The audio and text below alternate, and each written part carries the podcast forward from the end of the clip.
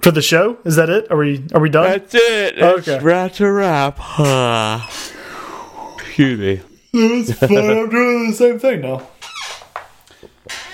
Uh. Eons are contagious, even over the airwaves. Yep.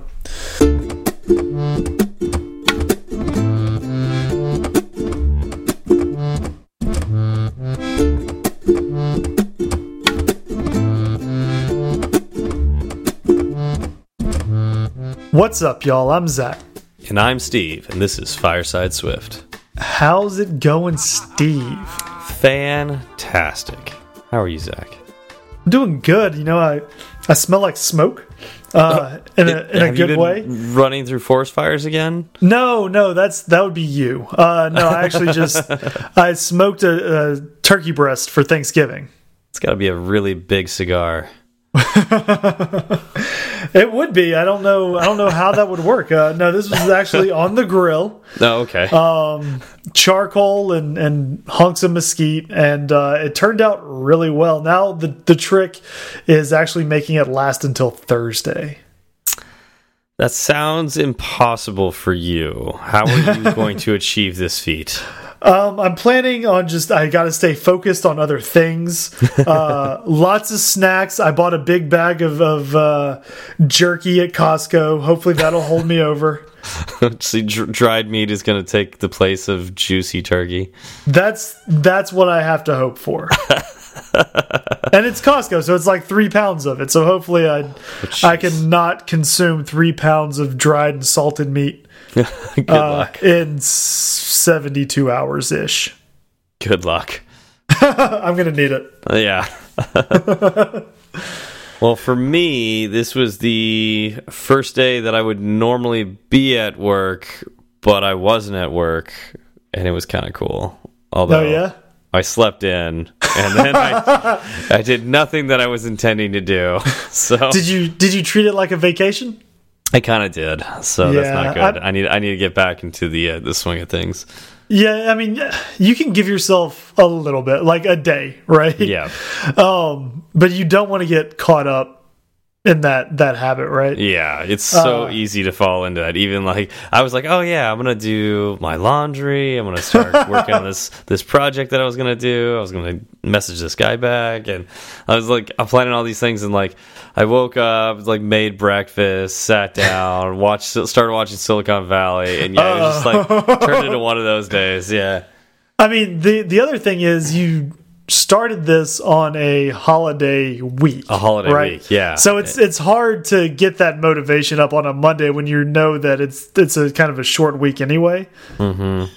Yeah, and I'm I'm heading to my parents tomorrow, so. Oh, okay. So yeah. Yes, I'm probably not going to get a whole lot done this week. Oops. Uh, oh well. you know, there will be there will be other days. yeah, Are you planning on doing anything at your parents' house? yeah, yeah. I'm going to bring my computer and just you know work in my spare time. So you're you're planning. I'm planning. the plan is That's- to do some work. Okay. Well, we'll. I guess we'll check in with you next week, see how that goes. Yeah, that don't, don't don't ask too hard though. There's not going to be a lot. I can pretty much guarantee that. Uh, no, I'm going to give you a checklist, an entire Thanksgiving checklist just for Steve. Did you do your laundry, Steve? Are you still wearing the same clothes that you wore last Monday? That will get done. I promise. I trust you, I guess, enough to do that. All right, thank you. All right, well, speaking of planning, one of those things that you should plan for when you are writing code is that your code will eventually crash for something you didn't plan for. it always happens. And the way you can detect that, at least have some planning for that, is to use a product like Sentry. Sentry is an open source framework that you can add to your code that will detect crashes and other misbehaviors and send you stack traces that'll help you dive in and investigate what went wrong. Because sometimes you just have to ship it. Right, Zach?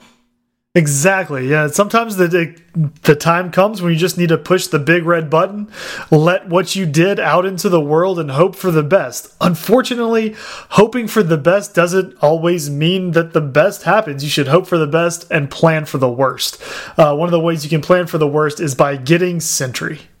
Yep, Sentry is easy to use. It's uh, free as well, uh, and uh, it it has a slew of features. Um, some of these features are premium, which means they cost some money. Uh, but if if you just have to have it, uh, I highly recommend you use our promo code. It's Fireside Swift, all one word, Fireside Swift. That'll get you one hundred dollars off new accounts. We'd like to thank Sentry again for sponsoring Fireside Swift. All right. So we are recording on Monday, which means we had a little extra time for feedback, and it looks mm -hmm. like we got a decent amount of feedback this week. Yeah, it's amazing what happens when you uh, have an extra weekend in which yeah. to actually call call feedback.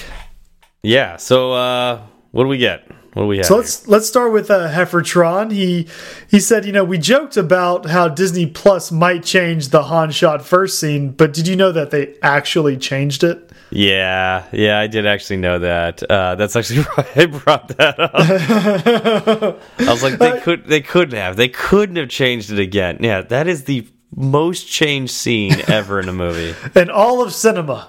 Yeah, and all cinema. and I, you know what? I think they still have other iterations, like we brought up last week. We probably uh, gave them a few ideas. Han shot before the movie even started. It went around the planet. and then hit Greedo in the back. Yes, see, that's. I think. I think we'll call that the next. The next plan. But it does seem like every single time they make a new mastered version of A New Hope, that scene has changed in some way. At, at some point, it becomes traditional just to yeah. change the scene to the point where no one remembers exactly what happened in the beginning. One of these days, Han's gonna get shot. he will.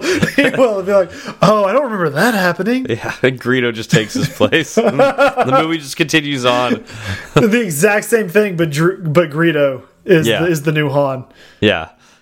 Yeah, I think he, I think he might version. be onto something. Yeah. Uh, so Heffertron also said that uh, you, Steve, mm -hmm. mentioned uh, a Mac app called Crybaby that could work out your codable object structure for you just by part or pasting JSON. Um, and he was curious if you ever found the link for it because he couldn't see it in the show notes. That's right. I didn't put in the show notes. I meant to. Um, and I actually had the name wrong. It's actually called Cute Baby. And I will I will definitely put it in the show notes this week. I'm so sorry. I think I was thinking of the first was no, it was the movie, the the Firefly movie. Did you ever see that, Zach? I saw the Firefly movie. Yes. Yeah, the, the very beginning. Uh, it's like "Cry, baby, cry, make your mama sigh." You know that part, and they shoot the the fake transponder out, and it's like on a barrel. It's been a long time since I've seen that, so I, I mean, I, I believe I, you. Yeah, it just it didn't stick with me the way it stuck with you. Apparently, apparently, yeah. So I, I it's actually called "Cute Baby," so it begins with the uh, the same letter and has "baby" in it, uh, but it's not "Cry Baby," it's "Cute Baby." Are you calling close enough? On what you close said? enough. Close um, enough. I also don't understand the meaning of the name.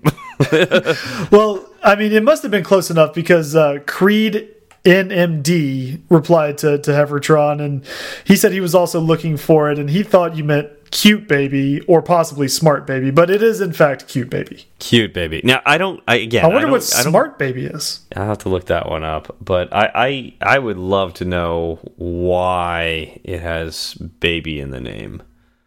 Why why are any of the tech names what they are? No one knows. It's mean, we do call software our baby, right? Like you know, this is my baby and all that, but I don't know. That's that's mm, very strange way to call like a mm, JSON parsing app.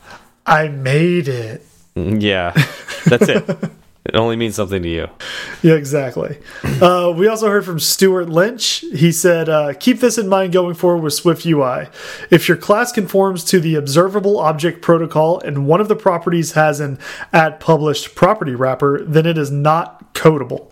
You need to create coding keys and a custom initializer. Trust me, I'm Canadian. Which.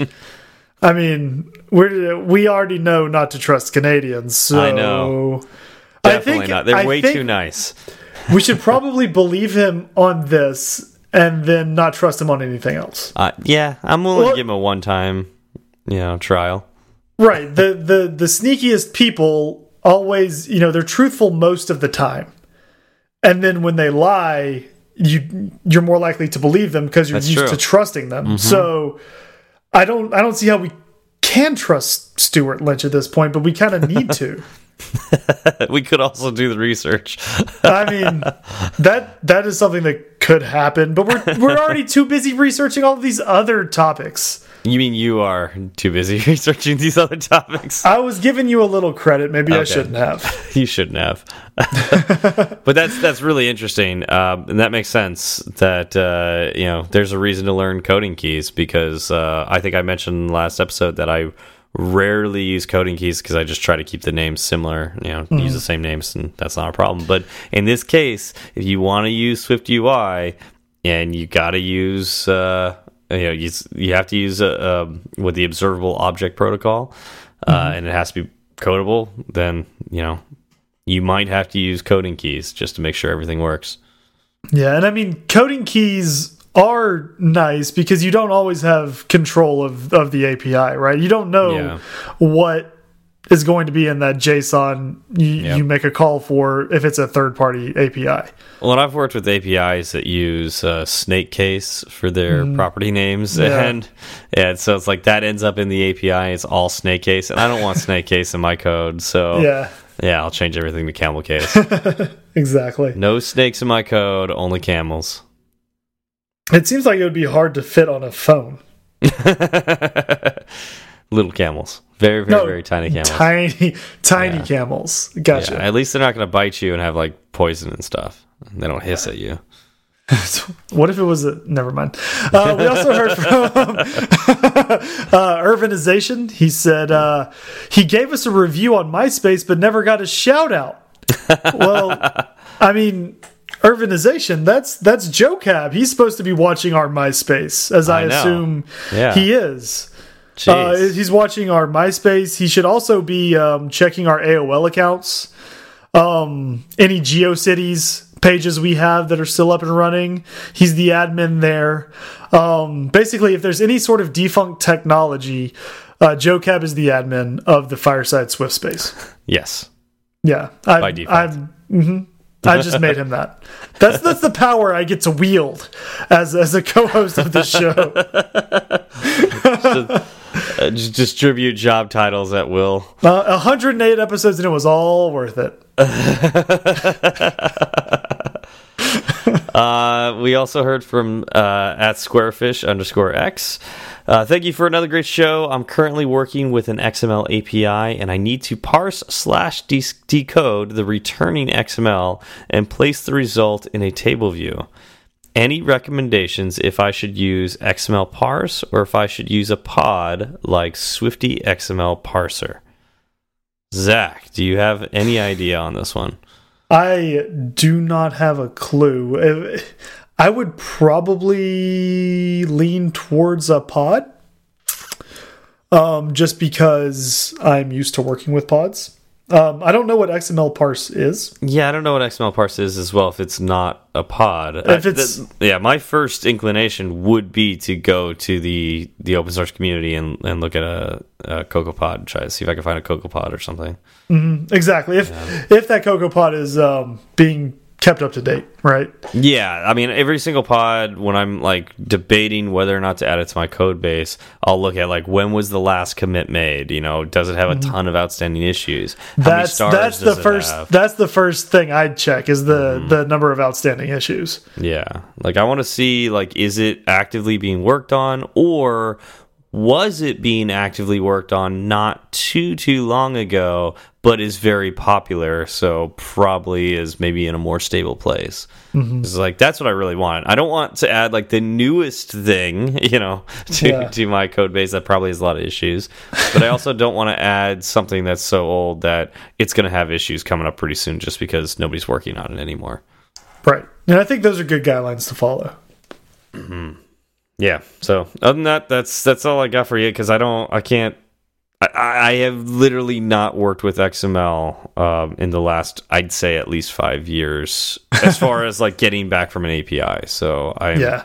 you're on your own, man. Same, same here. Good luck with your XML. Yeah, let us know what you settle on, and we'll we'll talk about it. Oh yeah, that'd be really interesting to know, and why Yeah. you made the decision. Absolutely. I'm curious. Yeah, very curious. All right. Well, so Zach, So, Steve, do you ever um, travel like far places? mm, yes, You do. Well, what's Yes. the what's the farthest place you've ever traveled to? uh, London, England. Hmm, that's that's pretty far. It is. It's a, it's quite a distance. Yeah. How, how did you get there? Did you run across the land and then swim across that uh, that big pond? It was uh, mainly biking, canoeing, and uh, a, a short leg on a sheep. well, you know, England full of sheep. They are, yeah. Full of sheep. so as soon as you made land in, Yeah. in the UK, you just I- you I found the nearest sheep. Did you did you have to uh, pay the uh, the shepherd, or did you just hop on the random sheep? Was it a feral sheep? It was oh yeah, it was a wild sheep. Okay. Everybody knows that wild sheep are the the easiest to get to London. You got to be careful with those, though. They bite. They do, but you know you're gonna have to pay a price at some point. Yeah, And it was easier for me to take the physical pain than it was the monetary pain. I sense. wish I wish I could have Tim Cook bite me and give me a, an iPhone. That would make it so much easier. I will let Tim Cook bite me for an iPhone. is, is that the disease that Tim Cook has? It's not rabies. It's whenever Tim Cook bites somebody, they grow an iPhone out of their right hand. Makes it really easy for selfies because you don't have to grip it. It's literally grow. It's a growth out of your hand. What if that was what if that was Apple's real uh, production line? It was just Tim Cook and a bunch of people. And, And he they're would cutting. just- they're he would they're like bite 'em, slight, like, on the shoulder. the iPhones out of the Yeah, their he would hand. bite bite him on the shoulder. They'd be on a conveyor belt. I think there's a movie here. It sounds like he's a werewolf of some kind, but like Mm-hmm. a were technology thing. Uh, maybe, maybe. I I'm surprised that movie hasn't been made yet. Yeah, yeah. Anyways, um, yeah, that's that's that's pretty nice. Um, have you have you have you gone anywhere else? Have I gone anywhere else? I've uh, yes, I've actually I've been out to L.A. before. Okay, all right. How, and, Your neck of the uh, woods. How did you get out there? Uh, that that time I flew. You flew. Oh, that's Yeah. neat. Um, Well, it's not as plane? civilized. It's not as civilized as as riding a sheep no, through not. the streets of foggy Not London town. Not yeah. at all. um, how did did you know that the plane was going to be safe? Um, I knew. I, I I knew well enough, right? These the planes. No one throws a plane up in the air full of passengers uh, that hasn't been through some sort of vetting process. Okay. What kind of vetting process do you think they do for planes? They probably um, check rivets and uh, the the flappy bits. The flappy bits? Yeah. Yeah, you know the little flappy bits on the side. Yeah, Do you ever think Check- they like those out. like try to fly it ahead of time? You know, like they have a new kind of plane. Does do you think that ever happens? yeah, yeah, all the time. I would I would think you would have to. Hmm, yeah, Okay. Go on a little like a little test flight. Is that what you mean? Yeah, yeah, it'd be cool if they if they actually did test flight planes. I know they don't, but if they did, that'd be really cool. it would it Um, would be nice. Well, there are some experimental planes out there, and uh, those are getting test flights all the time. They're they're you know test nice pilots. I, I I know that's a myth, but uh, you know, it's kind of what's kind of cool is you can actually test flight with software. Um, you know, I, I I know that's again impossible in the real world, but um, but with software, uh, Apple actually has a tool for us that didn't used to belong to Apple, but now it does. Oh, that's and, nice. Uh, it allows you to test your apps before you you actually put them out in the wild. Isn't that that's crazy? that's amazing. So, like with your apps, earlier you said you have a bunch of little camels in your in your app, so Mm-hmm. you can actually test each individual tiny camel. Yeah, I throw them in the air and see if they can fly. It's like Ah. a, it's a test flight. Yeah, And do you let other people help you with that? uh, I can. Yeah, actually, uh, Apple allows what three thousand people to help me with that. That's that's a lot of camels in the air. It's a lot of camels in the air. Anyways, Oh, let's talk about test. Let's, this one really, this one went a little longer than I was expecting. But it you should- went with the sheep, and we What? were gonna go And down what? a dark what, hole. Steve? We were gonna go down a dark hole because you did that.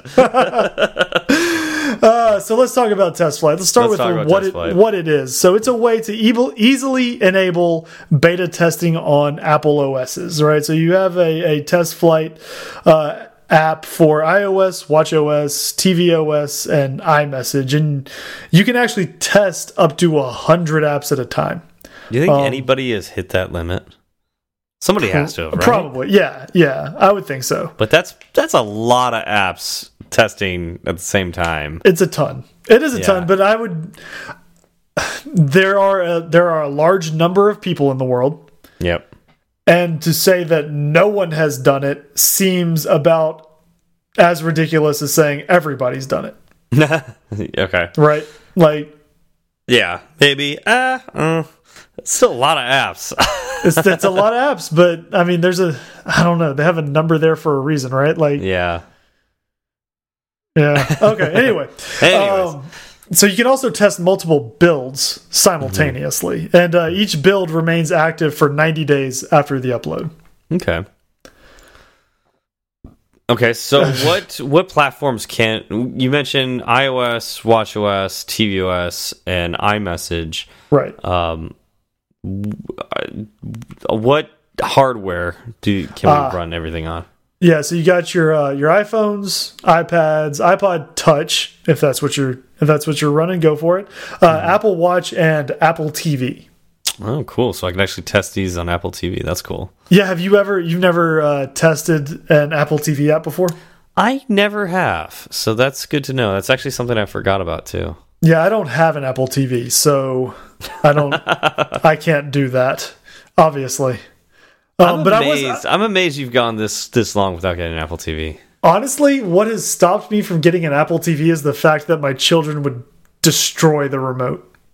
You could hide the remote and just like get a different remote for it. Oh, in a you have no children. Um, there are no you have no hiding places. There's no such thing as privacy when you have small children. That's true. Uh, Uh, yeah. They're they're actually better at hiding things than you are. Is I what I believe is that. what I found. Then then they they hide it from themselves. I Yeah. have I could yeah yeah. Anyway, we don't need to go down that tangent. know. Yeah. Um, All right, but so- that, that's why. That's cool. Um, yeah, I, I I didn't realize that you could do this on Apple TV, and Mm-hmm. actually would have solved some problems that I was running into a while back. So that's that's pretty cool. Well, now you know. It might be a, a few months too late, but Yeah. next time you can test on Apple TV. yeah. Did you ever use the original test flight? No, I never have. Um, I didn't actually use a test flight until after I had basically written my entire app. And then I went to push it out to the store and I thought, wait a minute, I should test this. um, and, then, and then I was like, how do I do that on, uh, and I, on iOS? And then I found test flight. Um, because Yeah. again, you know, I, even though I was doing this show, I was still coding in a vacuum and I was thinking mm-hmm. about what I was actually writing and how to achieve the results I wanted to in the app I was writing and not what happens next. Mm-hmm. And I suggested this topic to you because I figured there's probably other people out there who are currently wrapped up in writing their app and they're not thinking about what happens next. And if we can do the show and maybe get them out of a bind where they have the app, they want to push it out, and then they realize, oh, now I need to figure out this whole other set of things. Yep. Um, and it's Yeah. not it's not too crazy and too complicated, but uh, I wish I had known it going into it because I would have set my expectations uh, accordingly. Because I was like, all right, I'm gonna get this is done. I'm gonna have it out in a couple of days, and I'll celebrate. Yeah. And uh, you know, I did the responsible thing, and I, I actually tested it, but man. you- When you talk, we talked earlier about just wanting to ship it. That was me the entire beta testing process. Yep. Yep, that makes sense. Well, I- I did use the original test flight. And Did you use it on iOS or Android? I used it on iOS. I actually never used it for Android. When I did beta testing on Android, I used Crashlytics Beta. Mhm. Yeah, know, and I actually use that for iOS as well. But uh, when TestFlight disappeared for a while before Apple, you know, did its thing. Um, but uh, yeah, so I, I used the original uh, Test Flight, and the way it worked was you know that that hundred devices you get that you can install your your app on as a developer, mm -hmm. like you know the the approved devices or whatever. Yes, that's all you would get for test flight. So it would, it would basically work off of that. You would essentially build your app for ad hoc distribution, mm -hmm. and then you would put it you would put it on test flight, and test flight would then serve that up to your you know friends and that that 100 people as the most that you could actually work with. And it was it was great because there was no other way to do it unless you had your friend's physical device that you could plug in your computer. But 100 people also was not enough to do real beta testing. No. So no it's yeah. probably you know it's it's enough for the hobbyist you know the hobbyist mm -hmm. developer who's just kind of messing around. But you think about these big corporations right? Like yep. think about uh, facebook right? As much as yeah. you want to people want to vilify facebook uh, they probably wanted to test their app on more than 100 devices and they probably did. that's what i was gonna get at. Yeah they, they probably were able to um, yeah. but you know that that was uh, that was something that they had to face. Um, yep yeah, because like a, bi a big company like that could just buy a ton of developer licenses, right? Mm -hmm. And so now there's like hundreds of developer licenses that are like rogue for for one company, and that's probably what was happening. And so Apple went and acquired test flight and then uh, adjusted it so that they that kind of misbehaviors wouldn't happen anymore. Right. Well, it's it's interesting, nice. right? Like so test flight was developed by a couple of a couple of guys, and then it was sold to Burstly. Oh, I didn't know that. Yeah, and then Burstly was then acquired by Apple. So it's actually gone through a couple of acquisitions. I did not know. I did not know the uh, Burstly in between. What did yeah. do you know what Burstly did did before they were acquired by Apple? I'm not. I'm not sure. Uh, okay. I know they they bought Test Flight. yeah. Um, and believe it or not, once Apple had control of test flight, they ended support for Android. Yeah, that doesn't surprise me. um, I mean, I, I, do remember that too. But uh, what's funny is like they also like there was some ease of use that we had with test flight before Apple acquired them. So even though you were limited to 100 devices, let's say you were just testing within your small company, and you wanted to make a change and get that change out immediately to everybody. You couldn't do that with test flight. Like the new version of test flight, you had to go through the review process. And so that wasn't necessarily good. No. And um and so like we lost some of the convenience of test flight and that's why some of us turned to uh, fabric and used uh, the beta you know what they call beta um, with that and uh, that was you know basically the same thing that we use test flight for. Uh, so if you already had a workflow, it was fairly simple to switch over to to that thing. There's also Hockey app as well. Hockey right. app is very similar. Right. Do you um and are you still using any of that? Um I have used um Crashlytics beta um hockey app I've used with uh, some third parties that uh, we worked with them, you know, larger companies, mm -hmm. um, and uh, TestFlight I've used from time to time as well, but um, never super consistent because I didn't have, I didn't really have any testers after a point, and uh, just that's just the way my company worked before I I left them. I gotcha. Uh, so let's talk about how you actually kind of go through and, and produce a test flight beta. Sure. What do we have to do? So the first thing you need to do is uh, upload your app to App Store Connect. Um, okay.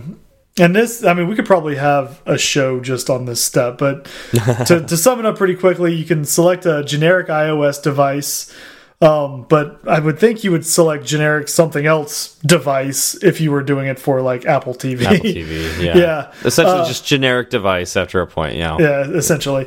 Um, And then you uh, go up to the product menu at the top of the screen and select archive. And then it, it runs through some stuff. And then eventually you have this big button that says upload to App Store. And then you, you hit that button and then off your file goes.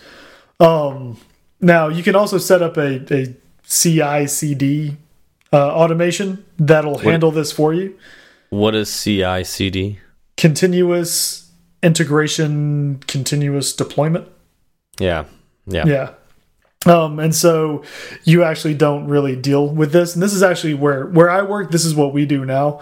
Um, we have a Jenkins job that kicks off a Fastlane script, and then that Fastlane script goes through and generates the beta and pushes everything we need up to uh, App Store Connect.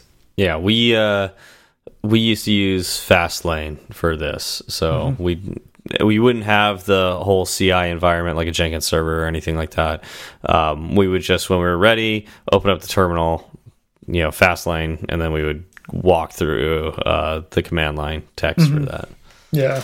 You know, it's it's nice um, not having to go through the generic iOS device archive and upload bit because sometimes that can take a while. Yep. Um, Yeah, you kind of sit there, stare at it for ten minutes or so while it's Yeah. uploading. and so, I mean, I know, I know it. You know, obviously, when I was doing my own uh, app, I didn't have the advantage of just this extra box that I could use to to build and push out my stuff. So I was doing it uh, from Xcode, but being able to just go to Jenkins and say build now, and then know that at some point later in the day, I could go into App Store Connect and just have my uh, my file available to me and be able to push out a test flight. That that was nice. Did you do you actually have to tell the server to build, or do you have it linked to your uh, Git repository that when you like merge it to develop or something like that, it builds? We have it uh, we have it set up with our, our Git repository. That's cool. So yeah, I was um, and it actually so it builds an alpha that does not get uploaded. It then builds a beta that does get uploaded, and the beta only gets uploaded when we uh, when we merge to release. Okay. The um, alpha gets built when we merge to develop. Gotcha. That makes sense. So we merge to develop, and then eventually develop and or you know they all do their thing they do their release release is a, a thing that happens and uh, then the ios beta job in jenkins keys off of that branch and anytime that branch changes we get a new beta Cool. Very yeah cool. yeah like i said that could pro all of that could be its own episode Yeah, but we're not we're not here for that today We're not here Um, for that. so now that so yeah, once once the app is there, you know, we we've uploaded it to iTunes Connect. Uh, what then? Well, now you need your testers, right? Because your app being up on App Store Connect won't do very much if you have no testers. Yep. Um, and now there are two types of, of testers. The first type is the are the internal testers, uh, and so you can have 25 members of your team um, who get a, a number of roles, one or a number of roles in App Store Connect, and they can test your app. Um, and each member can test on up to 30 devices. And another distinction to make is that internal testers get access to all of the beta builds available for testing. cool. Yeah. So, and this is actually something that we've had trouble with Okay. in the past because we will push out a new beta build, but Mm-hmm. not all of our internal testers will upgrade to it. Mm, And so, yeah, we will uh, we will have fixed a bug, and then we will every now and then get a ticket saying, you know, oh, this is still broken, and then we'll go back and Mm-hmm. we'll look at it and we'll say, no, it's not, and then it's a lot of back and forth, and then you remember, oh, wait, hold on, and then you ask whoever submitted the ticket, you know, by the way, what build are you on? yeah. And it turns out they're one or two builds behind you. Yeah. And then you say, okay, why don't you go ahead and update? They'll they'll update, they'll retest, and everything's fine. Yeah. That makes sense. Yeah. And I can see how frustrating that could be. Well, it's just it's you know it's wasted effort is essentially Yep. what it comes down to. yep. All right, so that's internal testers. So I have to assume there's external testers. Yes, and this is where you can have up to 10,000 external testers. See, I should have read this part of the notes because I said 3,000 before. It's actually 10,000. Yeah, it's it's 10,000 and I uh I was going to I was going to let you move past it, but since you wanted to bring it up again and do some do some self internal follow-up. Uh, Gotcha. Yeah, it was 10,000. Um, and you you get the um, the email addresses, or you can actually enable and share a public link, which is that that functionality in test flight is, is semi new. Um, Yeah. That I've actually used that. That's Oh, uh, have you? See, that's super useful. I have never used that because when I was actually uh, when I was actually pushing my my app out to test flight, that didn't exist yet. So now I get to say like I I started uh, you know I pushed an app out before test flight public links were a thing. Yeah. I don't know when they added it. I actually, um, it was suggested by um, a client of ours that we should try that uh, to help with a, a s- interesting situation we were in. Oh, yeah. And uh, it turned out to work great. So yeah, I was actually somebody else told me about it and it worked. So it great. but I can see. I mean, like when I'm thinking about like I need testers, and let's say I went to Twitter I wouldn't want to go out to Twitter and say like DM me if you're interested and like have this exchange where you get their email address and it's got to be their Apple ID email address and that's how you connect and it's like I can see that taking just being exhausting, especially if you want to do 10,000 testers, right? Yeah. But if you are on Twitter and you're like, if you're interested in testing, here is the public link. Please jump on there. I would love it if anybody can do any amount of testing. Um, that would be that, that that makes sense. That's that's super useful. So that I see why they have it. I can I can see that because I I did take to Twitter and this show and you know say if anybody's interested in testing shoot me DMs and and, you know I went through I went through all of that with everybody I was very thankful that I could but um it would have been much much easier to just create a link and push it out there oh yeah. Oh yeah. So if you want, because if you want to use someone's someone's email address, you you have to get the email address, like you said, you have to get the correct email address, and then you have to go in to App Store Connect itself, and uh, there's you know a little plus sign once you hit the dashboard and you go over to your testers, um, and then you can enter in as many email addresses as you want, and every now and then you know you fat finger an email address and uh, then you have to wait for them to reach out to you because you don't know you did it. That's kind of the essential fat finger, right? And Yeah. uh, once they get back to you, then you have to kind of look into it. So yeah, the the public link is nice. Yeah. Yeah, I highly recommend using the public link, but I totally understand using an email address as well. If you know, it's like if you, your coworkers or whatnot, and you just want to add them to that, you have their email address. Go ahead and add, throw it in there. Of course, if that's not their Apple ID email address, uh, I don't think it'll work, right, Zach? Uh, yeah, because there's no way. Yeah, there would be no way for Apple to know what device to. Yeah. So like, even link then, with it, you, you might want to just like, if you know their email address, email them the public link, Yeah, that's and that they can set it up themselves. then that's actually probably just more straightforward, right? Yep. Yeah. Um, so I, I almost always recommend the public link. And the the feedback loop, if something goes wrong, is much shorter, right? Because they'll be Mm-hmm. like, "Oh, I clicked the link and something broke. I'm going to get back to the developer immediately, or Yep. never again." But if they're not if they're not getting back to you ever again based on a broken link, they're probably not getting back to you based on their email address not working. Yeah, exactly. So I don't know. It's kind of one and the same.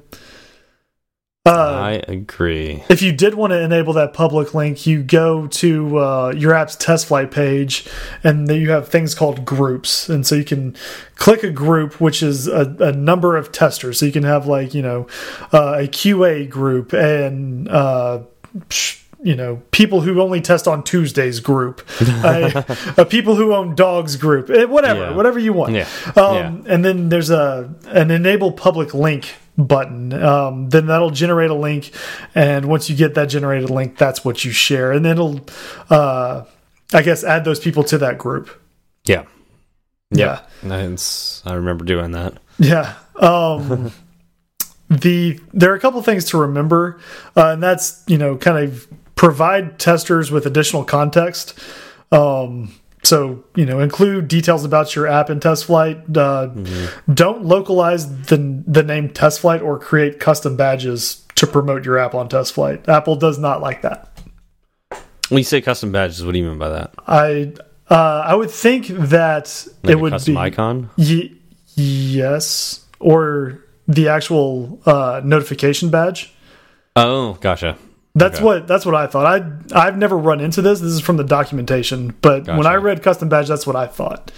Or maybe it's like says somewhere in it that it's particularly a beta. But mm -hmm. then mm-hmm. again, like I would want that. I don't know. I would think I would want beta somewhere in the app to let people know it's also particularly a beta. I don't know. Yeah, I I agree. Um, if someone out there that is listening has had an issue with a custom badge, let us know what that what that actually means. Yeah, I know. Since Apple will absolutely reject your app if you have beta anywhere in your app, like beta or alpha or any like test in your app when you actually submit to the App Store.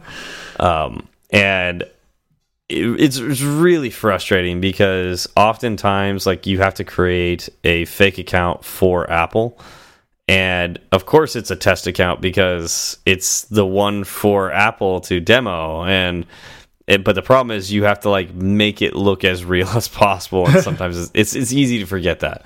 Right. So yeah, we'll make production, you know, test test users and stuff like that. You got to be careful when you use those when you submit to the App Store. Yep, I can see that. Yeah. Um. um oh, go ahead. Oh, I was just gonna say, like one of the things you know with uh, TestFlight now is you do have to go through some sort of review, right, Zach? Yes, yeah, you do. Um, from what I've seen, and this is purely anecdotal, so okay. don't take this as as gospel, but uh, it looks like to me the test flight reviews are a little bit faster than the that's, actual yeah, submission that's reviews. My, that's been my experience. Although submission reviews have only been taking about a day now, anyway. They so. have gotten much much quicker about yeah, the so submission reviews. It kind of feels like the about roughly the same, but they are more lax with test flight reviews. Right. Like it's it's okay to have incomplete parts of the app. Yes, agreed. Um, a couple of things to think about if you do go down the public link route is that uh, you could end up, you know, if you have a group limit and that group limit is reached, uh, or you disable that public link, anyone who wants to become a tester and uh, taps on that link or clicks on that link uh, will see a message saying that your beta is full and not accepting new testers. That makes sense. Um, and to you know make sure that the user experience is good uh, for potential testers, you need to make sure that you're you're sharing your public link where it makes sense and and mm -hmm. when it is appropriate, right? Um, you might not be the best. Might not be best to throw it on Reddit. In, yeah. Uh, you know the you know weird section there. Yeah, and get you, some random trollers. And you may also want to go back and remove that public link um, once you're done beta testing. That way you don't have a bunch of people because I mean you don't know when someone is going to come across any of your stuff on the internet. Mm-hmm. this is true. Yeah. Um, that, no, that's good. That's good advice because uh, I'm sure there's some people out there who left their test flight links out, and you know, who, who, I, it's not it's not really going to hurt you, but it's it's not you know the best look either. Mm, yeah, I agree. Um, and so when you do send your your app out to uh, the public, your your external testers, um, you actually need to let them know what to test and anything else that is going to be relevant to testing. And then Apple gives you like a little uh, kind of just a like a text area to fill in with you know a few bullet points saying oh well we updated the login flow and um, you know you can now look at photos on this page right? Yeah. That way your your testers are more directed at what things may have been broken. Now again with any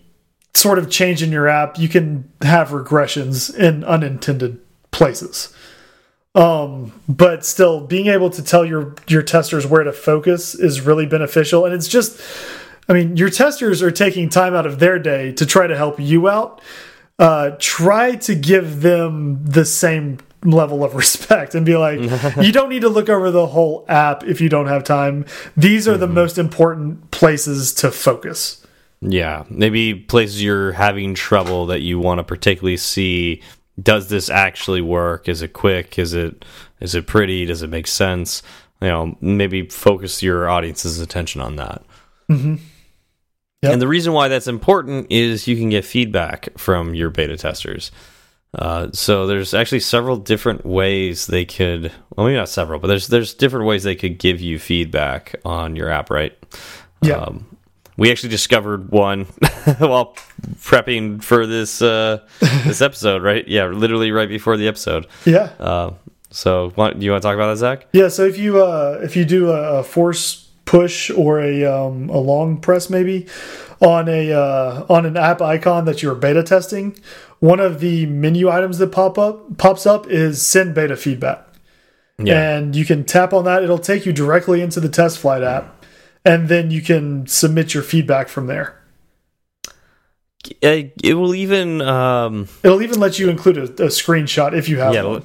Yeah, it'll let you include a screenshot. And even I think if you take a screenshot within a beta app, I think it asks you if you want to submit feedback, right? Oh, will it? I see that. I don't know. I've never tried that before.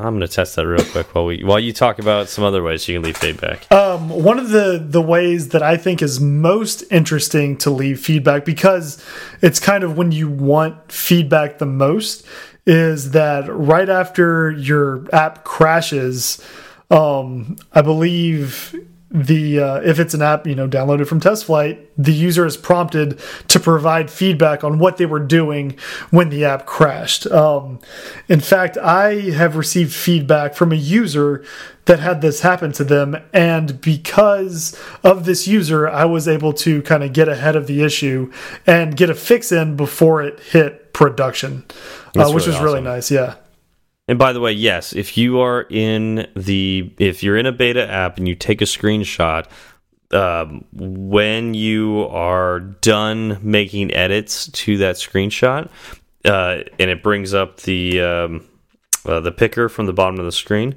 uh, the top option is share beta feedback. So you can actually save yeah you send feedback directly to the developer from there which is cool oh that's really nice. I'm, I'm glad that apple is smart enough to just realize oh hey someone took a screenshot in a beta app. Uh, there's a high likelihood they may want to share this with a developer. Yeah in the past we've had to use third-party frameworks to do that. So mm -hmm. it's mm-hmm. nice to have that built into the operating system now. Yeah. Um you know it's one of the other things is uh, if you're looking at your test flight dashboard um, there's a a I guess a sidebar, and one of the uh, sections of that sidebar is feedback, and then the two options under feedback are uh, crashes and screenshots. Um, so that's a one-stop shop to kind of get all of the information about the uh, crashes and screenshots that have been taken for that build of your app. Yeah, that's awesome. Yeah, that is awesome. Yeah. Um, Jeez, I can't think of anything more here. Did was there anything more you want to talk about uh, TestFlight, Zach? No, that's good. That's good for me. Okay, yeah. So it's it's really cool. If you haven't used it yet, highly recommend it. Uh, it's it's a pretty smooth process. Um, uh, oh, one thing uh, that you'll notice uh, is that when you do have a test flight app on your device, there's a little blue dot next to the name of the, or sorry, not blue dot, uh, uh, yellow dot. Yes, good, good call. Little yellow dot. Blue dot is when it's a new app, right? Uh, or yeah, it's been updated. Yeah, updated, yeah. Something, but yeah. yellow dot means that it's a beta app. So it could have, it could look exactly like your app with the same icon, same name, everything. But if it's a test flight build, that little yellow dot will be there so you know it's a beta. Mm -hmm. And that's kind of nice because uh, like when sometimes I will be working with testers that don't realize they have the beta version of the app or the other way around. Like they're working with the production version and they think they're on a beta. Yeah, so. that's that, that's a, a bad mistake to make. Mm -hmm. Absolutely. So that's that's kind of a nice little thing that Apple added to the operating system. So mm -hmm. there's only those two types of dots that could be next to your app icon or app name. It's either the blue dot for an update or a new new app, or the yellow dot. It's beta. Mm -hmm. Yeah, it's a thank you for pointing that out. Yeah, I think now I think that's it. I, I don't think I have anything else. that's it for me. All right, cool. So yeah, definitely try TestFlight out if you haven't already, and if you have use TestFlight and you know something that we missed, please let us know. Uh, give us some feedback, you know, because uh, this this podcast is basically just a one long beta test, just to see how the community reacts to us talking to them. yeah, we're we're you know constantly iterating based on what that feedback is. Yes, and speaking of things going wrong we got a shout out from somebody that didn't show up in the program that we pay for that is yeah. supposed to get us uh reviews from outside of the US. Uh yeah, the lost shout out. Love it. Mm -hmm. Yeah. So Zach, do you want to take this? Sure. So first off, I want to say thank you uh, to the person that left this, Rick Lowe, um, mm -hmm. for for letting us know that yours your shout out did slip between the cracks um, because we do want to, you know, uh, tell you that we appreciate you if you leave us a review. Um, yeah, so and I'm and actually uh, this makes me think there are probably other reviews that we've missed. So if we haven't called you out, please, please, please let us know. Um, it's it's pretty manual for us, but we can check other countries. We're we're not able to check all the countries because that's that would just take a really long time. Um, which is why we pay for a service to do that for us. Um, and but it seems like that service isn't working right now, so mm -hmm. we're going to talk to them and look into it, figure out what's what's going on with it. Yeah, but maybe submit anyway. some some feedback of our own. We'll exactly become beta testers for them. Yeah. Uh, so this is uh, the title is a small ray of hope by Rick Lowe uh, in the UK. Five stars. Uh, he said, "Love listening to Zach and Steve and Ben he didn't say which, which Ben. Which which so, Ben? This is this I is mean, the eternal question now. Now we've had two Bens on. So. It was it was it's a singular Ben, so he clearly likes one more than the other. Yeah, obviously. So, so yeah, let us know which Ben. Yeah, so uh, we can so we can make fun of the other one. Please, uh, on their weekly exploration of all things Swift. Sometimes it's like listening to a wise elder with wisdom and knowledge. Sometimes it's like listening to teens fumbling on a subject they're not sure about. that's, that's I mean, yeah, that's basically that, that's us in a nutshell. I believe that's, that. Yeah, that's what this show is. We are going to be our authentic selves here. Yep. Um, he says, always it is entertaining. When life gets you down a little, this podcast is a small ray of hope. Recommended to anyone interested in Mac and iOS programming. Give it a go. Thanks, Rick. Thanks. That means a lot. I mean, if yeah. you if you can come to this show and find enjoyment and uh, you know knowledge every now and then, then I think we're doing a good job. Especially from our mistakes. Exactly. well, please you know, learn from our mistakes. I think this is this is really you know truthful. Like you know, sometimes we do know what we're talking about, and sometimes we don't, but we try anyways. And you know, I, I, honestly I think that's a parable for the the actual programmer out there. You know, like. uh the reality is you can't know everything there is to know about iOS. There, you, there's no way you can know everything about programming. Um, it's just literally impossible. But there are some people out there who pretend to know everything. and yeah, you know, was that the 10x programmer or was it the 100x programmer? What were the thing um, that was going around? 10, 10x. It was the 10x programmer, the one who doesn't sleep at all and yeah. uh, constantly abuses everyone around them because they're yep. so much better and they can't deal with people not knowing as much as they do, which is everybody yeah, those people. But yeah, but the reality is they don't know everything either. Um, no. and we definitely don't know everything, but we're willing to try anything. like we're gonna. I mean, we, we, may be wrong, but we're gonna try to get out there. We're gonna try to learn, and I think that's that's the most important trait for somebody that's in this field. Exactly. And if we're going to be wrong, we're going to do it on the internet where it lives forever. Forever. yep. Yep. well, thanks thanks a lot for recognizing that. We appreciate that. Rick. Yes, thank you. All right. Uh, I think that's it for this week. Um, coming up, this is actually going to be released on Thanksgiving. So, for all those who celebrate Thanksgiving, um, happy Turkey Day to all of you. Uh, for those of you who do not celebrate Thanksgiving, um, eat something nice today. Yeah, do it. Do it for me. I'm about to go get my stretchy pants ready.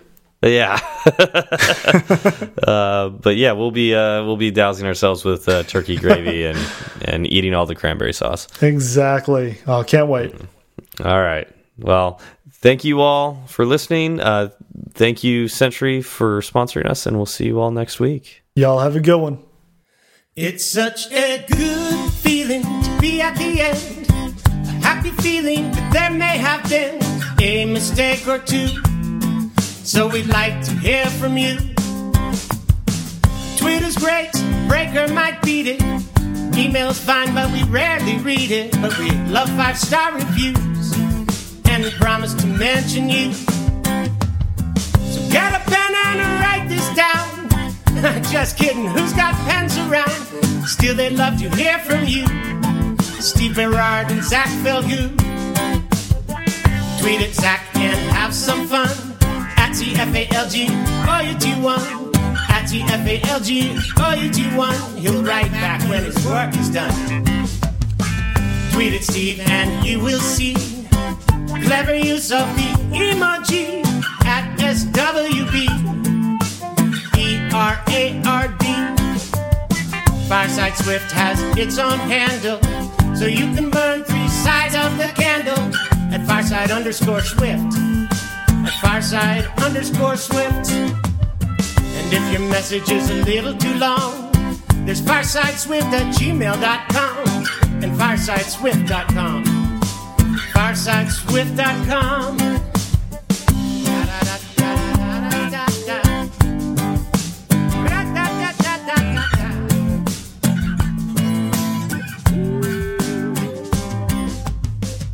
I just smoked a, a turkey breast. Well, two turkey breasts. Well, this, what is it? It's Smoked? smoked it.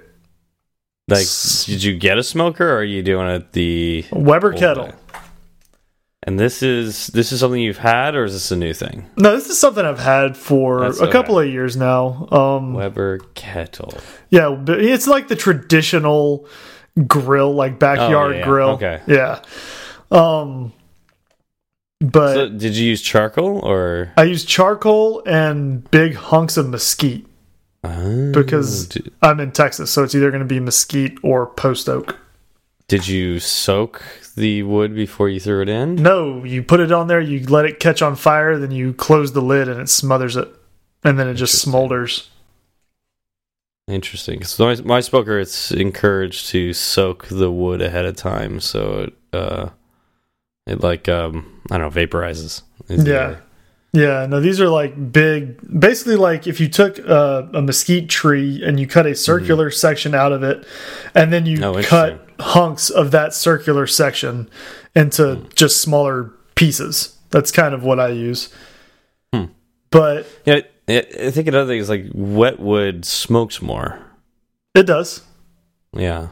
But uh, I don't know. It- I think when you're using that big chunk like that, it it burns enough. Like I, I got an hour and a half of smoke out of Okay. the chunks I had, right?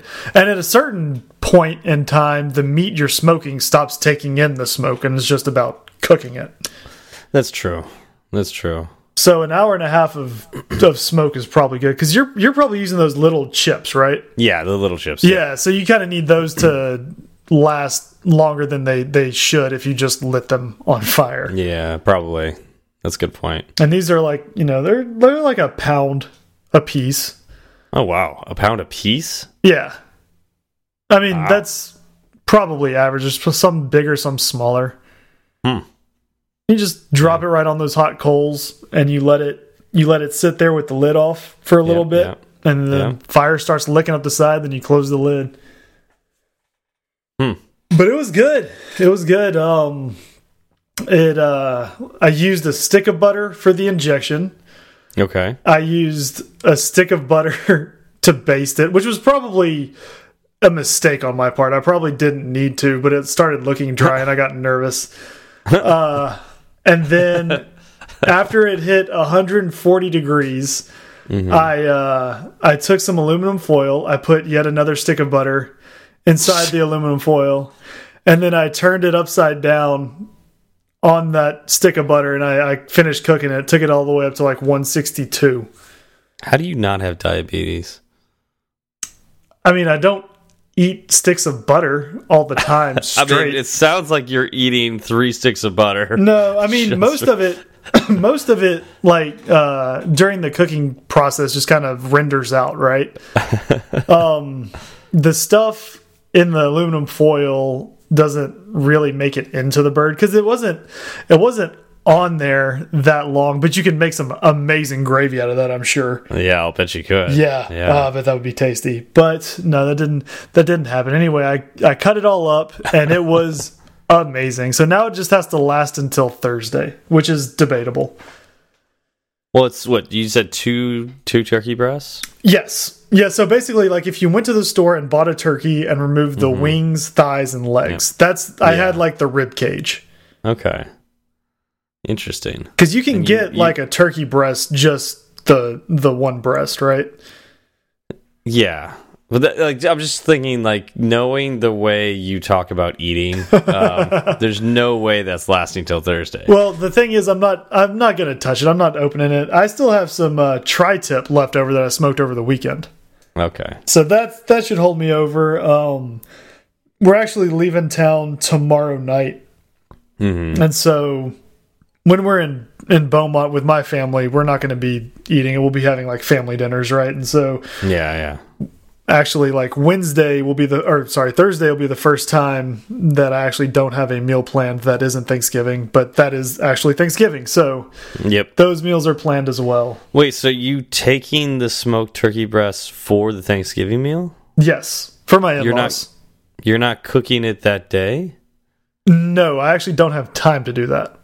Interesting. Well, that's what happens when you have family and friends that you don't see. You can't you can't Yeah. take like three hours out of your day to to cook a turkey breast. And I kind of wanted Yeah. to do it on my equipment because I had never done it before on my grill, and I wanted to see if my grill was even eh, like if it had the ability to.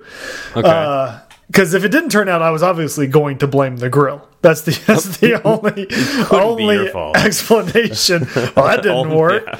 Time to go back to burgers and hot dogs, I guess.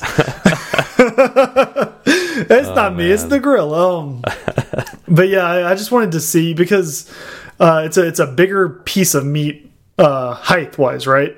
yeah. Um, and it's probably it was six and a half pounds, I believe. So it's the biggest. Oh, it's the biggest, you know, piece of animal carcass I've I've thrown on there. The largest dead animal I've thrown on my grill. It's true. It's true. um, so I was kind of curious how it would handle it. Something that I've been I've always worried about with that thing is actually having the charcoal die down and then having to like deal with taking the grate off to add more charcoal in the middle of a cook and Oh, yeah. uh, regulating the the temperature of the grill itself um, can be difficult because you just have a top vent and a bottom vent, and you know the more air you let in, the hotter it gets. But it can be kind of finicky. How do you do you have a thermometer checking the temperature of the grill itself? You So I need to lid or something? I need to get one of those. Um, oh, you don't. Okay. I had So I had you- a do you probe know? I had a probe for the uh bird For the turkey. for the turkey yeah. Yeah. I had a probe in there um honestly it was just like how I learned Swift. I watched a ton of YouTube channels and someone was like some I, I went with the average. Like most people would say you know uh well have your top top vent open two thirds and your bottom vent open two thirds and I find that leaves me at a temperature of 275 um and so I thought, Okay. all right, well, I'll go with that, and then I'll just keep keep an eye on what I'm cooking, and then if it looks like it's it's too hot, then I'll uh, close the the vents down a little bit. If it looks like it's not cooking fast enough, I'll open them up some.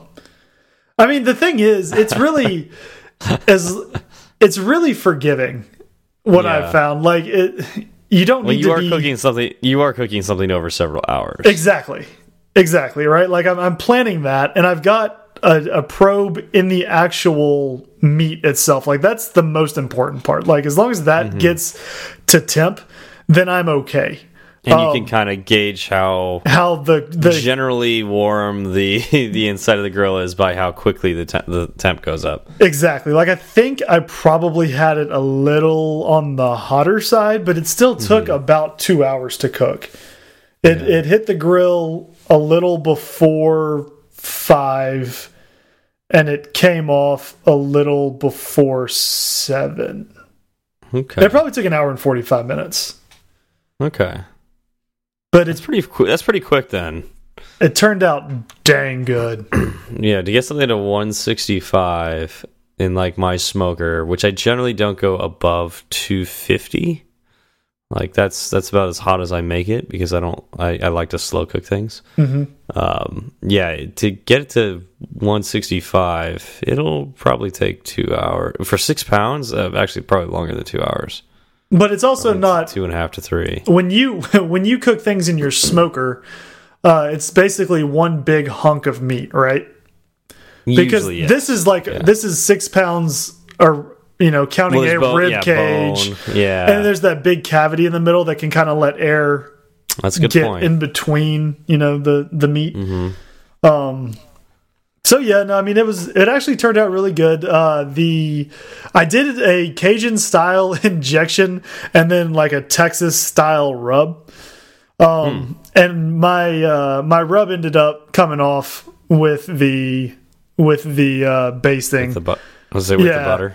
but I mean, it was one of those things where I was like, "Ah, "Dang it, I don't want it to be dry." So yeah. I knew the risk I was taking. I was like, I'd rather have, and I I'd rather have the uh, the rub come off, but have it be juicy than the rub stay on and have it be dry. yeah. That's basically the the side I aired on, and and the flavor the flavor was still there, right? Because that Yeah. rub sat on that bird for two hours before I basted it. Because Sure. I I did I you know did the rub and the injection before I even lit the pit, and the pit takes you know half an hour to kind of come Yeah. to temp. Yep, yep. Uh, see, this is why you gotta get like the electric smoker I have because that electric smoker, you put a basin of water at the bottom, and it's it's like a sealed thing. So it's just a a vent at the top, and so it's like basically very humid in there. So it'll keep the moisture on the the meat, and uh, yeah, it comes out super juicy. You have to worry about it getting dry. Yeah, I'm actually thinking I didn't even need to baste because when I when I cut it open, it was just juice everywhere. Mm, And so I was like, ah, I probably, I probably got a little too nervous with it, and Yeah. uh, and corrected it. But you know, it's that's one of those things. Your first time with anything, right? You kind of know what to do better the next time. uh, you're making me hungry. I can't wait till Thursday. Ah. So what are what are your plans? Uh, I'm gonna go to my parents' place tomorrow and uh, just hang out there. Um, my parents are gonna make a bird, you know, turkey, um, and we'll we'll just do the traditional Thanksgiving stuff. So turkey stuffing. We put the stuffing in the bird uh, when we cook it, and we cook it in the oven, and we always bag the turkey because that's a, another way to keep the moisture in. Yeah, Um, and oh, it always comes out so great, and you get a ton of juice that you can use for gravy. And so, oh, that's right. you makes- do love yeah. your gravy. I do love my you gravy. do love your gravy. Yeah, my dad makes the best turkey gravy I've ever had, um, and I put it on everything. Wait, literally everything. I have another question because we've been doing Hmm. this show for so long, uh, and I, I have I have to bring up things from the past. So, do you have your your annual jar of mayonnaise in the fridge? uh yes, actually, I I bought. Well, Is it let it in this. date? Because I'm pretty sure last year's bottle of just- mayonnaise was the same as the, yeah. the first year's bottle of mayonnaise. I just bought a new jar of mayonnaise. uh, I bought it for tri-tip, Ah, like tri-tip sandwiches. I bought Yeah. it like maybe a month ago. okay. So that one's fresh-ish, fresh-ish. Um, Uh, for you, that's fresh. What I don't have is a jar of Miracle Whip, which is what I'm going Oh, to need that's for turkey right. sandwiches. That's right. You have a very particular taste when it comes to Yes. turkey sandwiches. Yes, Of course. So it's either yeah, it's either turkey with the gravy and mashed potatoes and stuffing if I have it, which I'm mm, probably not because I'll probably eat it all. that that's that's to me is the perfect turkey sandwich. But you can go all the way down to toast, Miracle Whip, and turkey, and that's still a great sandwich. Does it have to be toast? yes, it has to be toast. Okay, so you say you can go all the way down to toast, but that toast it has to be toast. You can't just have white, toasted. white bread. No, you can't just have white bread. No. I mean, if you have a biscuit, a biscuit will work, but uh, I don't usually have biscuits around the house. If you can get your hands on some jalapeno cheese bread, oh, Ooh. jalapeno cheese bread, mayonnaise, and turkey is phenomenal. That sounds delicious. I've never done that. Oh that my sounds gosh. delicious. Yeah, no, there was there was one year, um, Lauren and I were prepping for Thanksgiving, and we were at the store. We just randomly bought a loaf of jalapeno cheese bread, as you do, As Uh, you do. as yeah. you do, and um, yeah, we we ended up making turkey sandwiches with it, and ever since then we've had to have a loaf of jalapeno cheese bread around the holidays to make our turkey sandwiches. Uh, how good would like a you know a slice of pepper jack melted over the turkey be with that? Yeah. Mm. You're right. That uh, we have to stop talking about it, or else that that turkey won't last for the ride home tomorrow. it won't even make the ride home. Oh man, I, I I can't wait. That it's my favorite meal of the day. Or not day, the- sorry, favorite day. meal of the year. Yeah, it's also of the day. Uh, but mean- yeah, favorite meal of the year. Yeah, it- it's hard to beat, and we're actually going kind of low key with it this year. We didn't do too too much cooking. My my uh, my family is actually not doing anything because my uncle on my dad's side is going to be cooking. Oh, Yeah, and um, you know, like what's like? Do, do you eat like crawdads and other sorts? I mean, we do, but not on Thanksgiving. Oh, okay. I was wondering if there's like a Louisiana I mean, style. crawfish are out of season, but I can guarantee you if they style. found if if they found a bag of crawfish somewhere, it probably would would end up in a pot. It would probably end up in the boiler, and they would probably uh, serve it right alongside that turkey. yeah, I was gonna say. Do you, so do you not do anything different than the traditional turkey Thanksgiving stuff? Oh no, or- I mean it's it's uh, it's deep fried Cajun style turkey. Cajun style is like slightly different. Okay. Yeah, it's it's kind of spicier. Uh, Okay. It's got just Cajun seasonings. Yeah, makes sense. Um, we do. Let's see. We have rice dressing. so they they don't do a a stuffing or uh. So I mean, I, it's hard. It's really hard for me to explain because Okay. and it's such a staple. Uh, in my family growing up, I was surprised to learn that people didn't know what it was. So it's like a rice pilaf or something. kind of it's like it's like rice and bits of meat and like celery and and onions uh That sounds good. I've never heard of it before. it's but that sounds good. amazing i mean when we when, when we were growing up my grandmother would make like a uh a, a she had this big big pot it was probably like a five gallon pot Mm-hmm. actually probably more than that it was like a it was like a small wash basin essentially Okay. She Okay. she would make up one of those full of rice dressing. Jeez. It would be it would be gone by the end of Thanksgiving. How many people would come to your Thanksgivings? It was just me. Okay. no, I mean I have um let's see. In my family there were 5 kids. Uh then I've got four uh, I've got about 15 cousins. Okay, and they'd all come to So for it would be 20, you know, 20 kids plus all the parents. Gotcha. That's that's that's a decent amount of people. I mean, okay, it's- I and can it's- see this happening. and and let's let's say that my eating habits are not are not odd in my family. Like I'm not the only one. You learned them from your family. Not it. it runs in my blood. uh, I mean, the Falgouts. The Falgouts just want good food. That's all we want. Okay, I was, I was wondering, how many people in your family are ginormous? Uh, actually, none of them. They all have the incredible metabolism that you have. It's uh, again, yeah, it runs in the family. I'm very, very lucky to have the genetics that I Very- do. Yeah, I'm very jealous.